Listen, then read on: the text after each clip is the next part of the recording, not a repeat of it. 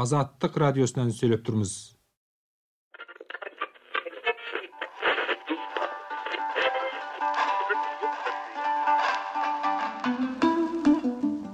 азаттык радиосунан сүйлөп турбуз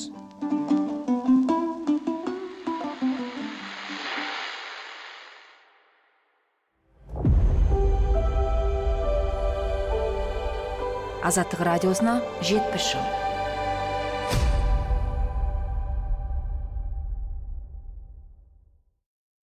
армысыздар. Алаш орданың жетпіс беш жылдығымен сәйкес келген қазақстан тәуелсіздігінің бір жылдығы қандай сипатқа ие болды?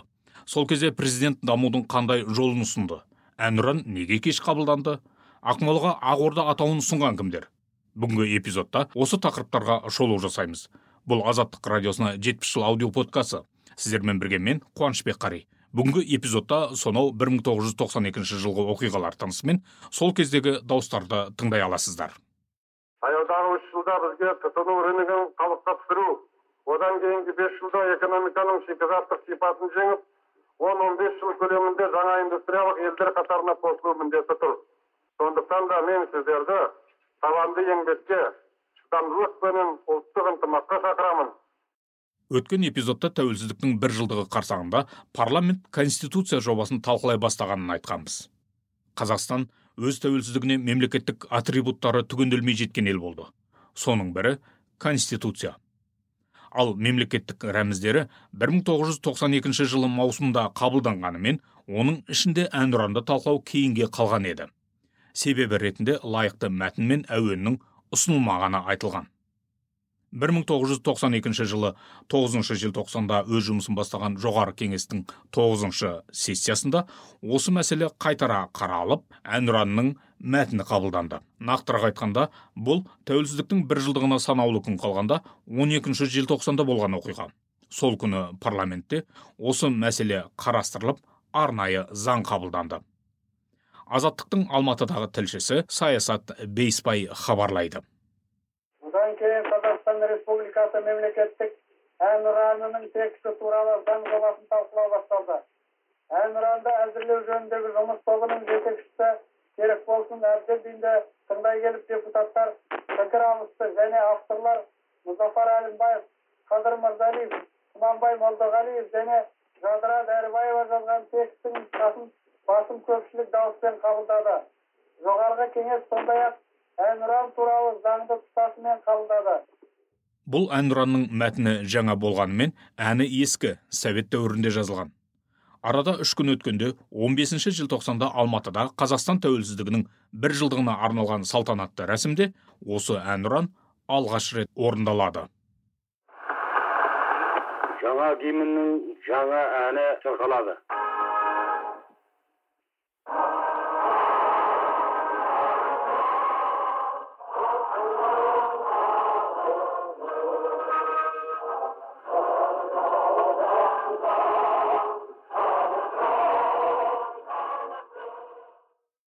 Тағы бір назар аударарлық қызық жай бар.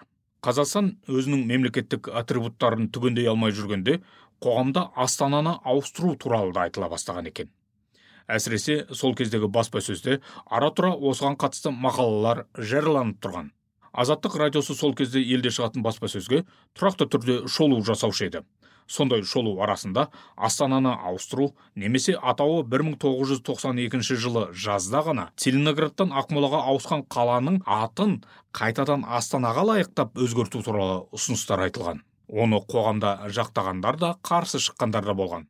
Айталық қазақ әдебиеті газетіндегі мына мақалада ақмоланың мола атауы жайсыз болса оны ақ орда деп ауыстырайық деген ұсыныс айтылады. Оны ұсынғандар кім екен?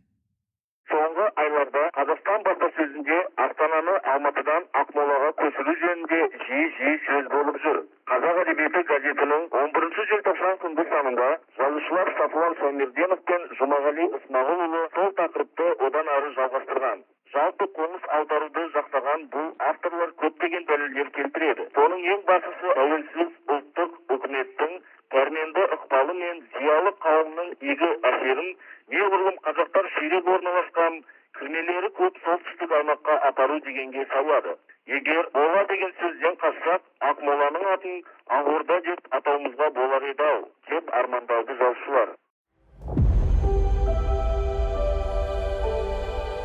азаттык радиосуна жетимиш жыл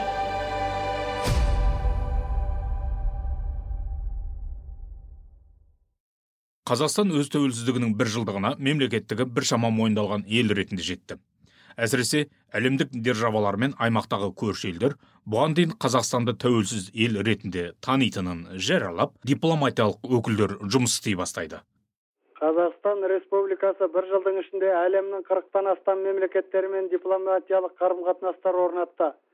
Қазірде республика астанасында Иран Ислам Республикасының, Түркияның, Америка құрама штаттарының, Францияның, Герман Федеративтік Республикасының, Пәкістанның, Қытайдың Қазақстандағы тұрақты және уақытша өкілдері жұмыс істейді. сол кездегі азаттық радиосы тыңдармандарына мәлім жыл сайын желтоқсан айында радио алашорда автономиясының құрылған күніне де арнайы бағдарлама әзірлейтін ал 1992 жылы қазақстан тәуелсіздігінің бір жылдығы алашорданың 75 жылдығымен тұспа тұс келді желтоқсанның 13-і яғни алашорда үкіметінің құрылған күнгі хабарында азаттық радиосы алашорданың мемлекеттік құрылысы мен сыртқы саясат жоспары жайында баяндайды. Азаттық радиосы автономды алашорда мен тәуелсіз қазақстан арасында мемлекет болудың алғашқы қадамдарын салыстырғандай әсер береді. Мына үзіндіде ұлттық құралды күштер деп отырғанымыз қарулы күштер. 1917 жылдың 13 желтоқсаны күні алашорда үкіметі қызу түрде іске кірісіп халық ағарту және әлеуметтік салалардағы жұмыстарды қазақ халқының ұлттық ерекшеліктеріне сай реттей бастады. Сонымен қоса алашорда үкіметі ұлттық құралды күштер бөлімшелерін де ұйымдастырды. Басқалармен саяси қарым қатынастарға ену жағын қарастырды. Ол советтік ресей үкіметімен де байланыс орнатуға тырысты. Ахмет байтұрсынұлы басшылығындағы бір үкімет делегациясы 1918 жылдың қаңтарында мәскеуде сталинмен кездесті. Сталин қазақ делегациясына совет үкіметінің қазақ қырғыз автономиялы үкіметін танитындығы жайында кепілдік берді. Осымен бірге алашорда үкіметі өзге түрки мұсылман елдерімен сол қатарда қапқазия аймағындағы елдермен де байланыс құруға кірісті. Дегенмен алашорданы мойындаймыз деп уәде беріп соңынан оған қарсы әрекет еткен большевиктер өздерінің екі жүзді саясат ұстанатынын көрсетеді. Бірақ ленин мен сталин езілген халықтардың құқықтарын танимыз. Советтік ресей үкіметі романовтардың отарлау саясатының мұрагері емес және әлгінде келтіріліп өтілгендей алашорда үкіметінің өзінде танимыз деп түрлі уәдалар беруіне қарамастан олар ұлттық үкіметтерді астыртын құлатудың амалын қарастырып отырды большевик басшыларының құпия түрде алып барған арам пиғылды саясат шараларының нәтижелері орыс емес халықтарға оның ішінде қазақ халқына кейін ғана мәлім болды азаттық радиосы бұл жолғы бағдарламасында большевиктер құрған совет мемлекетінің ұзаққа шыдас бермегенін айтады бұл кезде әуелде одақ атымен құрылып өзге де мемлекеттерді одақтас атымен өзіне бағынышты еткен мәскеу одағының құлағанына да бір жыл толған еді.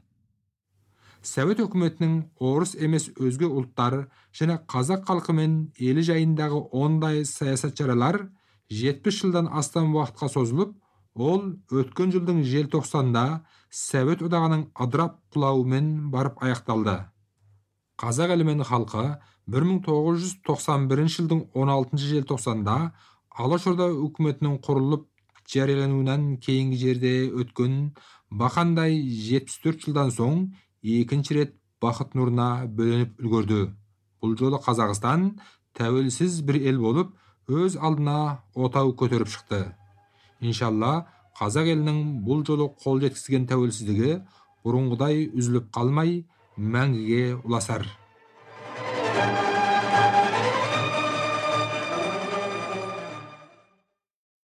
Алайда қазақстан шынымен бақыт нұрына бөленді ме? Совет одағынан ең соңғы бөлінген тәуелсіздігіне бір жыл толған әлі де жоғы түгенделіп бары байқалмаған қазақстанның даму жолы қандай болуы мүмкін еді? Бұл сұрақтарға сол кезде тәуелсіздіктің бір жылдығы рәсімінде президент назарбаев жауап бергендей болды. Алайда оның айтқандары амалға аспаған күйде қалды. Қазақстан тәуелсіздігіне арналған салтанатты рәсім 1992 жылы 15 желтоқсанда алматыда өтті.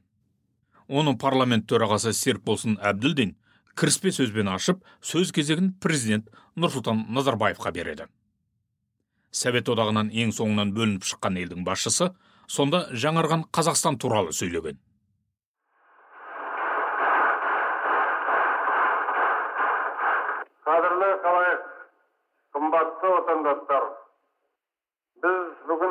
Екі жыл бұрын мәлімдеген егемендігіміздің нәтижесі болып табылатын қазақстан республиканың мемлекеттік тәуелсіздігінің бір жылдығын атап өтудеміз. Өткен кезеңдерді еске түскенде мені келе сезімдер билейді. Ол тұстар біздің өзіміздің ғана емес.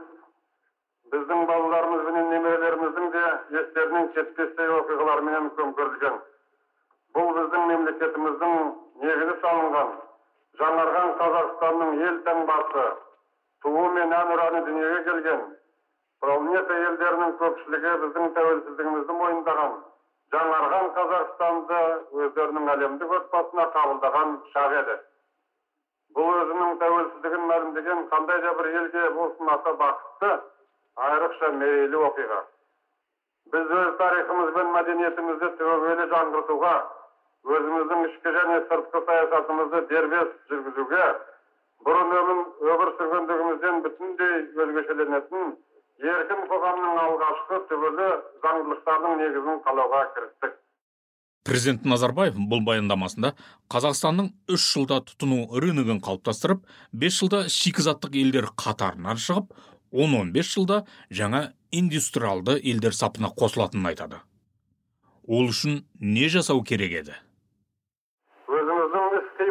Айқындайтын нақты бағдарларды еске сала кетейін таяудағы үш жылда бізге тұтыну рыногын қалыпқа түсіру одан кейінгі бес жылда экономиканың шикізаттық сипатын жеңіп он он бес жыл көлемінде жаңа индустриялық елдер қатарына қосылу міндеті тұр міне егер біздің тұрмысымыздың тек материалдық жағын ғана алатын болсақ ұмтылысымыз осындай сондықтан да мен сіздерді табанды еңбекке шыдамдылық пенен ұлттық ынтымаққа шақырамын.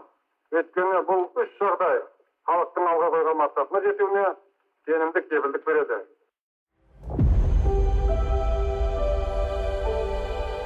Азаттық радиосына жетпіс жыл.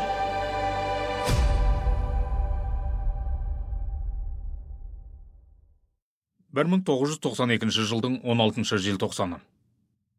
Қазақстан тәуелсіздігіне тура бір жыл толған күн. Бұл күні сол кездегі астана алматыдағы бір кезде брежнев алаңы кейін жаңа алаң сосын республика алаңы аталған жерде бүкіл халықтық мерекелік шара өтеді. Осы алаңнан азаттық радиосы репортаж таратады.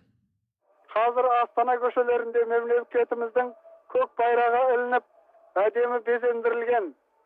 Енді міне республика алаңында ұлан асыр той ойын сауық басталып та кетті. Мұнда ондаған қазақ үйлер тігілген. Сұхбатымызды репортажымызды тікелей республика алаңынан беріп отырмыз алаңнан хабар таратқан азаттық радиосының тілшісі саясат бейсбай сонда жүрген қазақ мемлекеттік университетінің оқытушысы жазушы әбілфайыз ыдырысовты сөзге тартады ұстаз өз ойын былай білдіреді міне бүгін күннің осынша бұлыңғыр болуына қарамастан туған болуына қарамастан біздің мына астанамыздағы негізгі алаң жаңа алаң иә біздің қыршындарымыз бостандыққа еркіндікке деп бас көтерген алаң бүгін халыққа лық толы қазақстан халықтар форумында біздің тұңғыш президентіміз назарбаев жолдас өте әдемі айтты бұл жөнінде.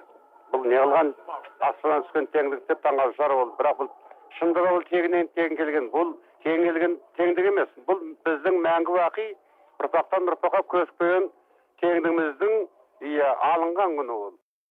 Сұхбат беруші бұл жерде 14 желтоқсанда алматыда өткен қазақстан халықтары форумын меңзеп отыр.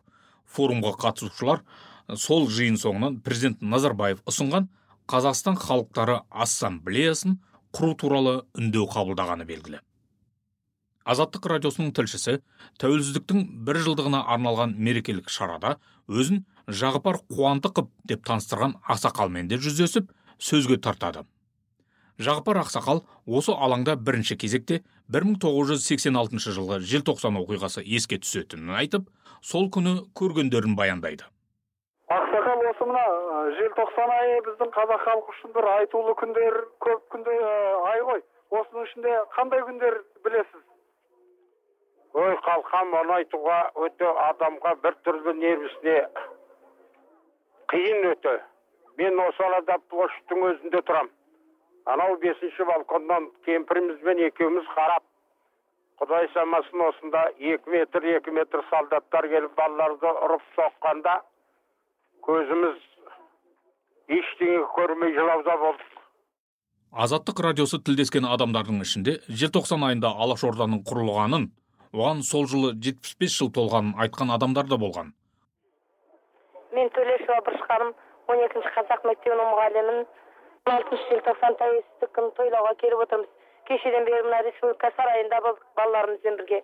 Одан кейін сол он екінші мектептің қазақ екінші класста тәрбие сағатын өткіздік. Тәуелсіздік күнге байланысты. Міне кеше он үшінші желтоқсан күні алаш партиясының жетпіс бес жылдығы өтіп кетті. Бұны көп кісілер біле білмейді. Азаттық радиосына жетпіс жыл.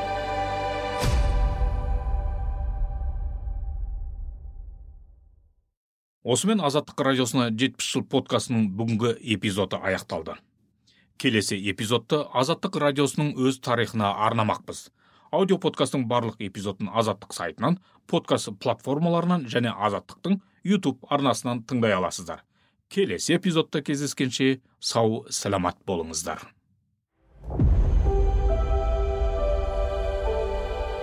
Азаттық радиосына жетпіс жыл.